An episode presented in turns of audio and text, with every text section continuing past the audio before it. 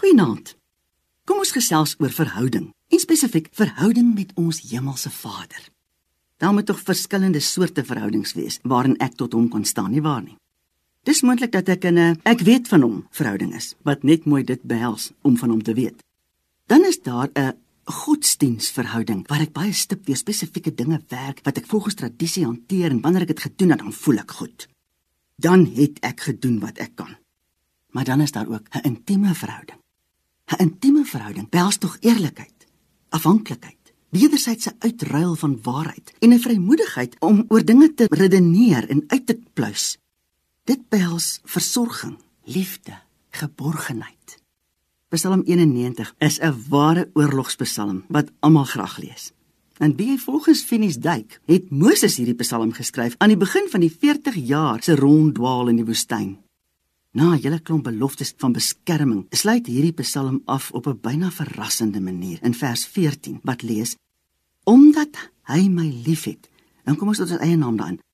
Omdat Estie my liefhet, sê God, daarom sal ek haar red. Ek sal haar beskerm omdat sy my naam ken. Weer ek hierdie amplified vertaling, maar dit so bietjie meer opblaas in die betekenis en dit lees: Because he has set his love upon me, therefore will I deliver him. I will set him on high because he knows and understands my name, has a personal knowledge of my mercy, love, and kindness, trusts and relies on me, knowing I will never forsake him. No, never. Dit is mos nou intimiteit.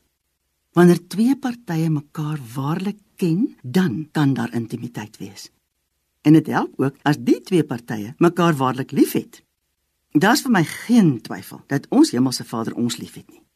Maar wat behels dit vir ons om hom lief te hê?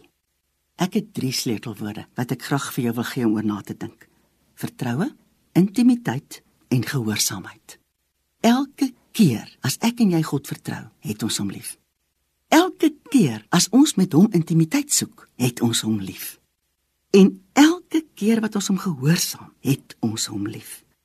Vader, Ek bid in die naam van Jesus, gee vir elkeen van ons persoonlike kennis van u liefde en u genade en u goedheid. Amen.